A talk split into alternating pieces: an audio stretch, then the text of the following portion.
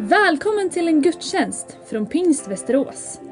Vi är en öppen kyrka med hjärta för människor. Vår bön är att gudstjänsten ska uppmuntra dig och att du får lära känna Gud lite bättre. Varmt välkommen!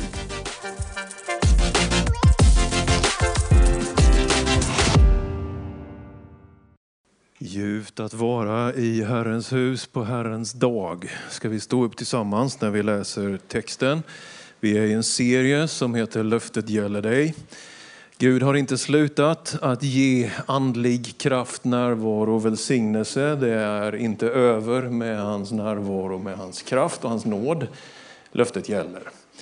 Idag ska vi läsa ett helt bibelkapitel och så några kommentarer från min sida. Då. Vi läser första Korinthierbrevet 12 idag och vi läser i tro på Guds ord i Jesu namn. När det gäller de andliga gåvorna, bröder, vill jag inte att ni ska vara okunniga. Ni vet att när ni var hedningar drogs ni oemotståndligt till de stumma avgudarna.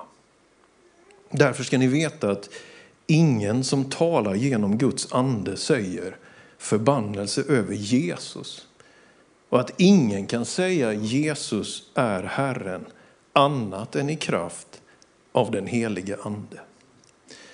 Det finns olika nådegåvor, men anden är densamme.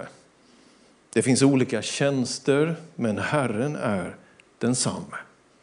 Det finns olika kraftgärningar, men Gud är densamme, han som verkar allt i alla. Men hos var och en visar sig anden så att det blir till nytta. Den ene får av anden ord av vishet, den andra får ord av kunskap genom samma ande. En får tro genom samma ande, en får gåvor att bota sjuka genom samma ande, en annan att göra kraftgärningar. En får gåvan att profetera, en annan att skilja mellan andar.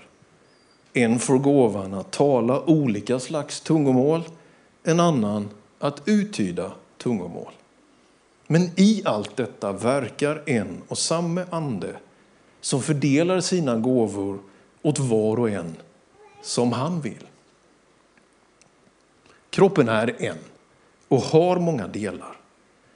Men trots att kroppens alla delar är många utgör de en kropp. Så är det också med Kristus. I en och samma ande är vi alla döpta för att höra till en och samma kropp.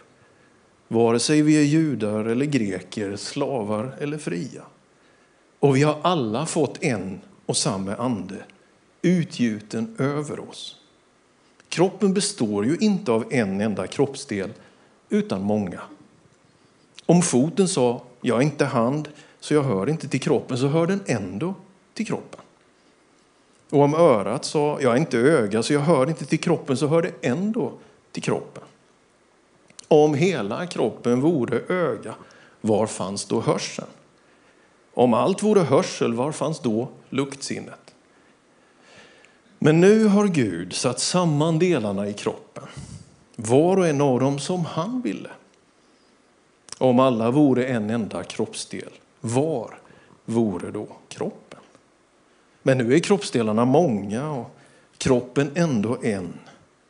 Ögat kan inte säga till handen, jag behöver dig inte, inte heller huvudet till fötterna, jag behöver er inte. Nej, tvärtom är de delar av kroppen som verkar svagast så mycket mer nödvändiga. Och de delar av kroppen som vi tycker är värda mindre heder klär vi med så mycket större heder och de som vi blygs för skyler vi med så mycket större anständighet, något som våra anständigare delar inte behöver. Men Gud har satt samman kroppen och gett de ringare delarna större heder för att det inte ska bli splittring i kroppen utan att delarna istället ska ha samma omsorg om varandra. Om en kroppsdel lider så lider alla de andra delarna med den. Och om en kroppsdel blir ärad gläder sig alla de andra delarna med den. Ni är alltså Kristi kropp och var för sig delar av den. Gud har i församlingen för det första satt några till apostlar, för det andra några till profeter, för det tredje några till lärare, sedan några till att göra kraftgärningar, andra till att få gåvor att bota sjuka, till att hjälpa, styra och tala olika slags tungomål. Alla är väl inte apostlar, alla är väl inte profeter, alla är väl inte lärare, alla gör väl inte kraftgärningar. Alla har väl inte gåvor att bota sjuka. Alla talar väl inte tungomål. Alla kan väl inte uttyda. Men sträva efter de nådegåvor som är störst. Och nu ska jag visa en väg som vida överträffar alla andra. Amen, amen. Varsågod och sitt ner.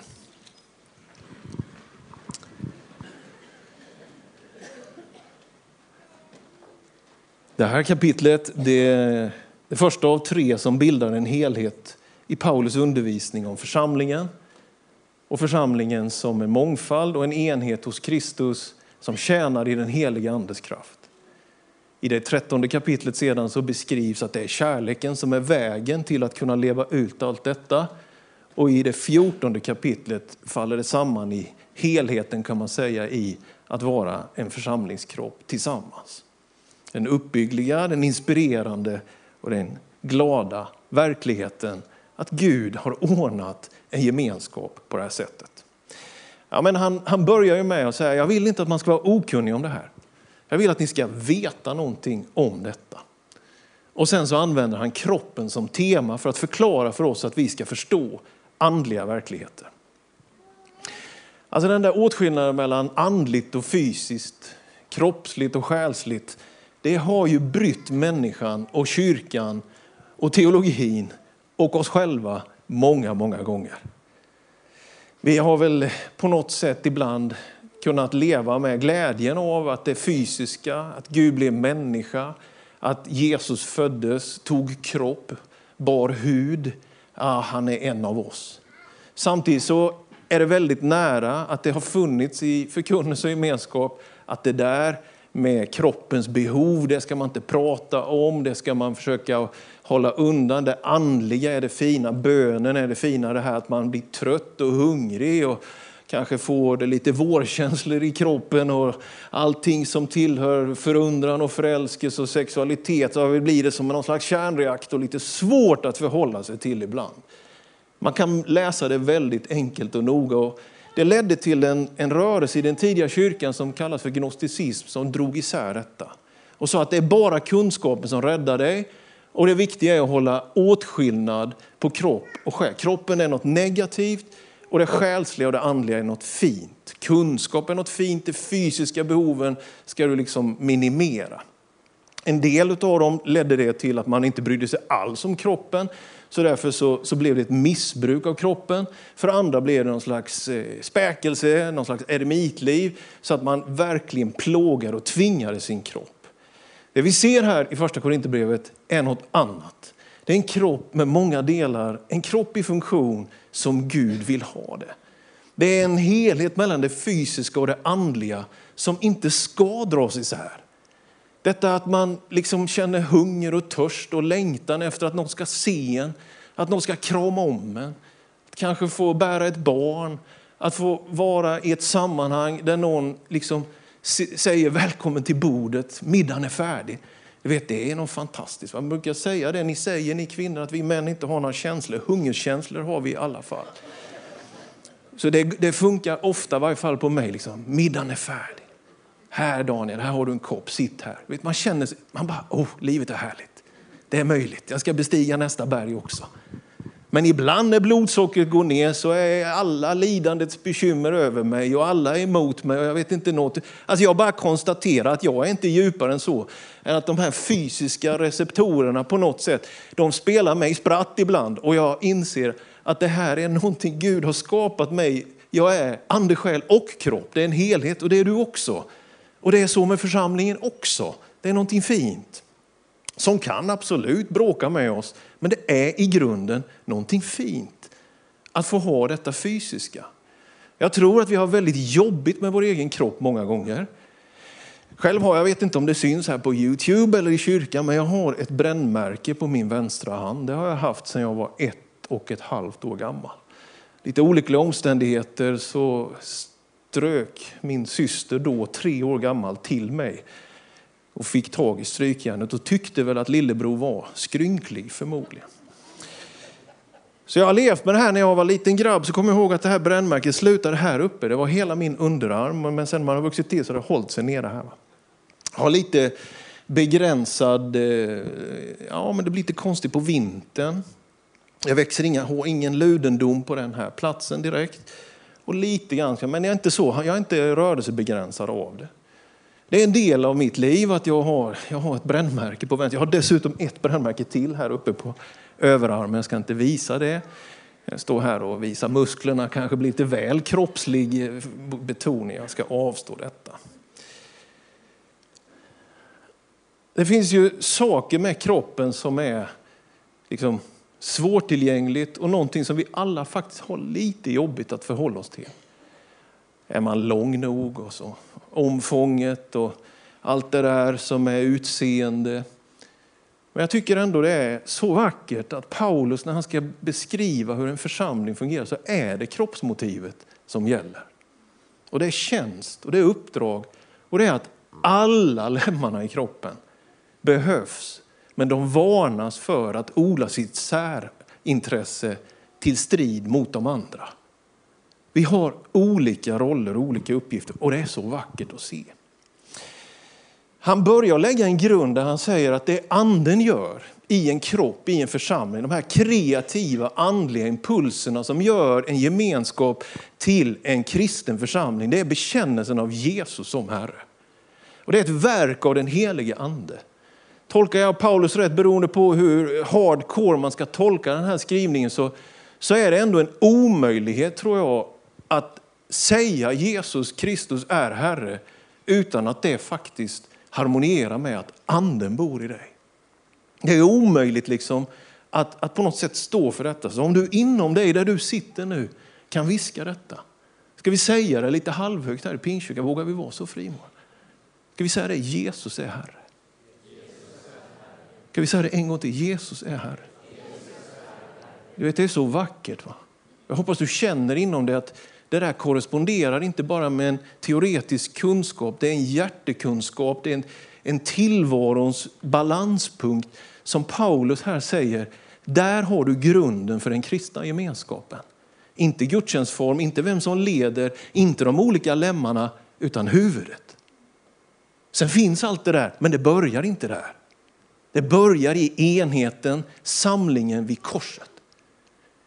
Vi är svenskar, vi bor i Sverige. Det finns många andra nationer. Men om vi skulle sätta upp en massa, massa flaggor här i den här kyrkan, partiflaggor, nationsflaggor, så skulle vi ganska snart, tror jag, hamna i splittring och en väldans massa debatter och diskussioner. Men i kyrkan är korset rest. Jesus är Herre. Där börjar det. Där är vi förenade. Där finns församlingens enhet i honom. Och anden samverkar med detta. Anden är utgjuten, är given, kommer över er och drar alltid till Kristus. Det är så vackert. Ja, sen börjar han att nysta i det här att det finns olika nådegåvor, men anden är densamme. Det finns olika tjänster, men Herren är densamme. Och så kraftgärningar. Så han pratar om nådegåvor, tjänster och kraftgärningar. Här finns ju någon slags kod för att lära känna och förstå lite bättre av vad det här handlar om då att vara en kropp tillsammans, att dela tro och fungera i tro. Så säger han att här finns en mängd av gåvor. Och det är ju så med gåvor att man förtjänar inte dem. Man köper inte dem, då är det inte en gåva, då är det ett inköp. Man arbetar inte ihop till en gåva för då är det lön. Utan en gåva får du för att någon vill dig väl. Någon vill välsigna dig, någon vill uppmuntra dig, någon vill inspirera. Det är ju basal kunskap. Va? Vi vill ge varandra glädje. Det är roligt att få ge. Ja, så han säger, ja, men där är anden verkar så att de är väldigt olika. Paketerna har olika inslagning. Liksom. Det är olika rosetter och det är olika varianter. Men där finns ändå en helhet genom vad anden gör. Sen säger Paulus också att det finns olika tjänster. Där är det fina ordet diakoni som används. Det är någonting som går som en ström genom hela kyrkans historia. Att för att kombinera detta andliga, detta av att be i tungor, att få be för sjuka, allt det som sker där. Att få kombinera det med att leva ut i någonting som handlar om att göra tjänst, att hjälpa andra, att bry sig om den fattige, att inte liksom stänga sin dörr för flyktingen, att ge pengar som vi gjorde alldeles nyss här. Det diakonala perspektivet är väldigt viktigt för Paulus. Så det handlar inte om att gå upp i någon slags förandligad tillvaro, utan det handlar om att få ut det i händerna. Det finns andliga gåvor som fördelas och det finns tjänster som fördelas. Och på det här sättet fungerar församlingen. Men också med den tredje komponenten, i detta finns kraft. Så när man bryr sig om en annan människa i det här perspektivet, när man gör en social insats, eller när man ber i tungor, som vi kommer komma in på alldeles strax, här lite grann, eller när man får vara med och profetera, så helheten av detta bildar församlingens tjänst. Och det blir någonting av en vacker kropp i funktion och rörelse som kan vara till välsignelse och nytta för så många. Han listar en mängd olika gåvor. En får kunskapsord och en annan får vishetsord. En får möjligheten att skilja mellan andar. Man kan kategorisera de tre och säga att det där är liksom uppenbarelsegåvor. Det är en slags förmåga att få insikter. En helig ande kan göra att vi förstår lite mera samband. Vi kan förstå lite mer vad som är rätt och fel och vi kan komma rätt i det som Gud ger genom att ha dessa gåvor i funktion. De här kroppsliga impulserna som på något sätt spottar ut benen ur fisken när vi äter. Det, det finns någonting som skiljer mellan andar, som inte sväljer vad som helst. Det finns en väldigt fin korrektiv. Vet, om du bara sitter framför Youtube och, och lyssnar på en, det ena knepigare än det andra och så lyssnar du på människor vars frukt egentligen aldrig har varit enhet och gemenskap och bry sig om andra utan se på mig och, och, och se ner på andra kristna. Om du bara matar dig med en form av undervisning och gemenskap som gör dig till en broiler, som gör dig till en kaxig, dryg, högmodig kristen så är församlingen ett korrektiv som säger var med och tjäna istället. Välkommen att skura en toalettstol, välkommen att ge bort pengar till missionen, välkommen att kalibreras in och välkommen att läsa Bibeln tillsammans och välkommen att bidra med din gåva. Alltså det finns någon slags matsmältningsorgan i de här gåvorna som gör att näringen på något sätt sorteras, men den kommer ut i att man gör någonting. Det behövs idag. Mycket har radikaliserats under pandemin. Det finns inte bara radikaliserad islam, det finns radikaliserad kristendom. En, en hatiskhet som har vuxit under pandemins isolering. Där man på något sätt kommer i en fel, detta är väldigt allvarligt. Där kroppsdelarna ska dras itu. Där man ska på något sätt höja upp sin egen uppfattning. Men här är ett annat perspektiv. Det kanske är en mer mödosam väg men att lyssna in varandra, att känna av en gemenskap och i det hitta den rätta vägen, den rätta läran. Sen finns det inspirationsgåvor. Om den första var vishetsgåvor eller uppenbarelsegåvor så finns det ju inspirationsgåvor. Att, be, att be, att tala i tungor, att profetera och att tolka tungotal. Nu är ju jag av den uppfattningen att berättelsen som finns i apostlagärningarna där det står mycket om tungotal, det är en slags grundutrustning att alla kan be. Alla har möjlighet. Min bestämda känsla, uppfattning och erfarenhet är att det som är grundutrustningen i tungotalet kan vi alla leva med. Det är så sett inte en av de här listade nådegåvorna här, utan vår undervisning är att det är en del av bönespråket. Det är ett erbjudande. Det är inte någonting som du blir besatt av, utan du blir uppfylld. Och om du vill kan detta påla som ett kodat andens språk mellan dig och Gud, där du sätts in i hans nätverk. Jag tror alltså att alla ni, alla som hör, alla som tar del av andens liv, skulle kunna leva med detta pålande böneliv. Det Paulus skriver om här, det är när det här språket ska sägas ut på ett, ett förståeligt språk. Det kallas xenolali på teologiska. Alltså att Gud ger mirakulös förmåga att prata ett språk som man egentligen inte kan. Ni vet, det finns en svensk missionspionjär som heter Fredrik Fransson som var, var väldigt känd i sin tid och han är förgrundsgestalten till det som blev Jönköpings traktatsällskap, det som idag är Svenska Alliansmissionen. Det berättas om honom när han reste över världen att han kom en gång till Italien, någon av de större städerna och när han skulle predika där så var tolken borta. Tolkar verkar försvinna ibland och tolken försvann. Och Gud gav Fredrik Fransson övernaturlig förmåga att under en timma predika på flytande italienska. Ett språk han inte behärskade före predikan och inte efter predikan. Gud gav honom ett särskilt tungotal kan man säga, för den tiden eller den uppgiften. Finns det andra som skulle tolka detta och så finns det de som kunde profetera, att höra från Gud in i framtiden. Inspirationsgåvorna. Sen skriver Paulus om det som jag menar är den tredje kategorin och det är mer kraftgärningar. Gåvan att bota sjuka, gåvan att tala tro och gåvan att göra kraftgärningar. Jag vet, det verkar finnas i den kristna församlingens nedlagda DNA en möjlighet att också vara med och förlösa kraft. Alla tror på Jesus i en kyrka, men en del har trons gåva. Alla kan vara med och be för sjuka, men en del har gåvan att be för sjuka. Alltså jag, har, jag tror under, jag är 50 år nu, jag har levt i den här världen, man liksom funderar lite vilka gåvor har jag?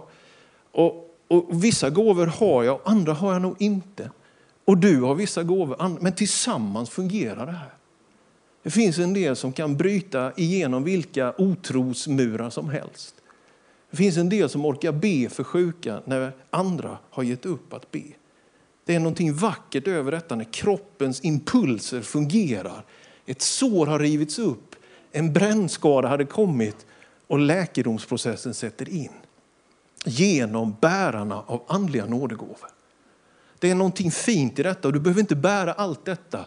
Och ibland är du del av den kroppsdelen som är pressad och sargad och sårad. Och då behöver du oss andra. Och ibland behöver jag er. Och jag har sagt det vid något tillfälle. Du vet som pastor, som predikant, man försöker ge, man försöker så gott man kan och förmedla någonting av tro och uppmuntran. Men det är många gånger här på söndagarna som jag har kommit hit och känt att jag får så mycket av er, av församlingen. Man blir styrkt av kroppen, impulserna, livet. Så tre kategorier av gåvor, inspiration, kraft och visdom kan man säga. Att be, att be på olika sätt så att människor blir friska eller få hjälp. Att uttala ord som är till vägledning och att vara med i det som är andlig inspiration. När han sen då resonerar om de här kroppsdelarna och att inte liksom en fot kan säga att jag behöver inte dig i öga och hörseln kan inte säga att jag behöver inte luktsinnet så kommer han ju också till det här då. Det finns en del lite svagare kroppsdelar. De döljer vi lite mer, men han säger här i vers 22, jag tycker det är väldigt fint. De delar av kroppen som verkar svagast är så mycket mer nödvändiga. De delar av kroppen som vi tycker är värda mindre heder klär vi med så mycket större heder. Och de som vi blygs för skyler vi med så mycket större anständighet. Något som våra anständigare delar inte behöver. Här stannar det för mig lite grann. Och så tänker jag så här, ja, med kroppsimpulserna och självklart går tanken till de reproducerande organen, könsorganen på den fysiska kroppen. Det där som vi tycker liksom, vi kan inte visa för mycket. Även om det var en smart kille i Tranås som sa, får du se något som Herren inte har skapat får du väl säga till, sa han en gång. Så finns det ju någonting här. Va? Att Paulus säger de kroppsdelar som vi kanske lite blygs för, det är lite risk för någon slags skämmighet. Va? Det är någonting som vi inte fullt ut liksom bara vill flasha upp, även om det väl idag känns så ibland. Så säger han, de är så mycket mer nödvändiga. Det svaga är jätteviktigt. De där impulserna som larmar, det är inte bra. Det där som är liksom runt såret. Va? Allt det där som på något sätt ger oss impulser. Men också det där som har möjligheten att föda nytt liv. Det där som kan bli till befruktning, som kan bli till havande, som kan bli till att någonting nytt väller fram. Det är så värdefullt, skriver Paulus. Så vet jag vill ju att alla våra medlemmar ska sitta uppradade i Pinkyrkan varenda söndag 10.30. Det är ingen hemlighet, har ni fattat efter 16 år. Jag tjatar på folk hela kom på mötena, var med på Det är ju ingen nyhet, det hoppas jag inte det blir. Va? Är det så han anser? Det hoppas jag ändå du har fattat. Att jag tror på samling och församling och gemenskap. Men jag inser också att det kan ju sitta någon där ute just nu via live eller kolla efteråt som av olika skäl inte kan, inte orkar, inte mäktar att möta andra människor just nu. Då kan det ju inte vara vår rätta slutsats att tänka, vad dåligt, vad svagt. Utan kroppen måste fungera. Impulserna måste vara att söka upp, ta kontakt. Om du sitter här och tänker, ja vad mycket folk det var i kyrkan, vad kul, ja men jättebra. Men om man å andra sidan sitter och tänker, ja var är den och var är den? Ja men tror du inte det skulle kunna vara en impuls från Gud? Att kanske du ska höra av dig till dem? Kanske det är du, kanske det är dig anden verkar i kroppen. Det är faktiskt din uppgift. Vi måste alla vara i funktion för att hjälpa varandra i det som också är det svaga. Men det svaga är det nödvändiga. Låt mig gå ner för landning och berätta om en person till sist som ju många av er känner. Och, och han är hemma hos Jesus nu. Och jag tror inte jag säger för mycket om jag bara kort ändå säger någonting offentligt om vår käre Pierre Charro som var med här i församlingen. Han hade ett brokigt förflutet och hans ingång i församlingen var ju i, i mogen ålder. Och jag tror inte han helt kunde komma igenom det han kämpade med under alla år som han var med i vår församling. Han tyckte till slut att det var inte lönt att gå in i kyrksalen så jag sitter kvar Daniel, jag sitter vid entrén. Han behövde gå ut och ta ett blås och han ville ha nära till, till toaletten också. Och du vet, denne älskade Pierre, han tror jag många här inne skulle kunna berätta om att han har då bett kanske lite om hjälp, men han har också brytt sig väldigt mycket om dig. Han har frågat hur du hade det. Han kunde namnet efter första gången på dina barn. Det fanns någonting utav på ett sätt en brokighet och en svaghet som samtidigt blir en termometer på kvaliteten i en församling. De kantstötta, de som kanske har en annan ingång. Får man komma hit fast man inte har varit här på tio år? Är det första vi säger, var har du varit? Eller är det något annat som kännetecknar en församling? Det är som att det svaga är också det viktigaste för Paulus. Det som vi lite ibland kanske till och med tycker är lite sådär, hur blir det med det här? Får vi lägga lite mer omsorg runt det? Och så går han vidare och beskriver kärlekens väg. Du vet, det är, inte, det är ju inte så att man är med i en församling av plikt och tvång och att man måste om man har dåligt samvete. Det är fantastiskt att få vara en lem i Kristi kropp. Du bär nådegåvor, du kan göra tjänst och han vill ge kraft över ditt liv. Det är vad jag uppfattar första Korinthierbrevet 12 säger. Alla här har andliga nådegåvor. Alla här kan göra tjänst för Gud. Och han vill hjälpa dig med det. Han vill ge dig kraft. Vi behöver dig.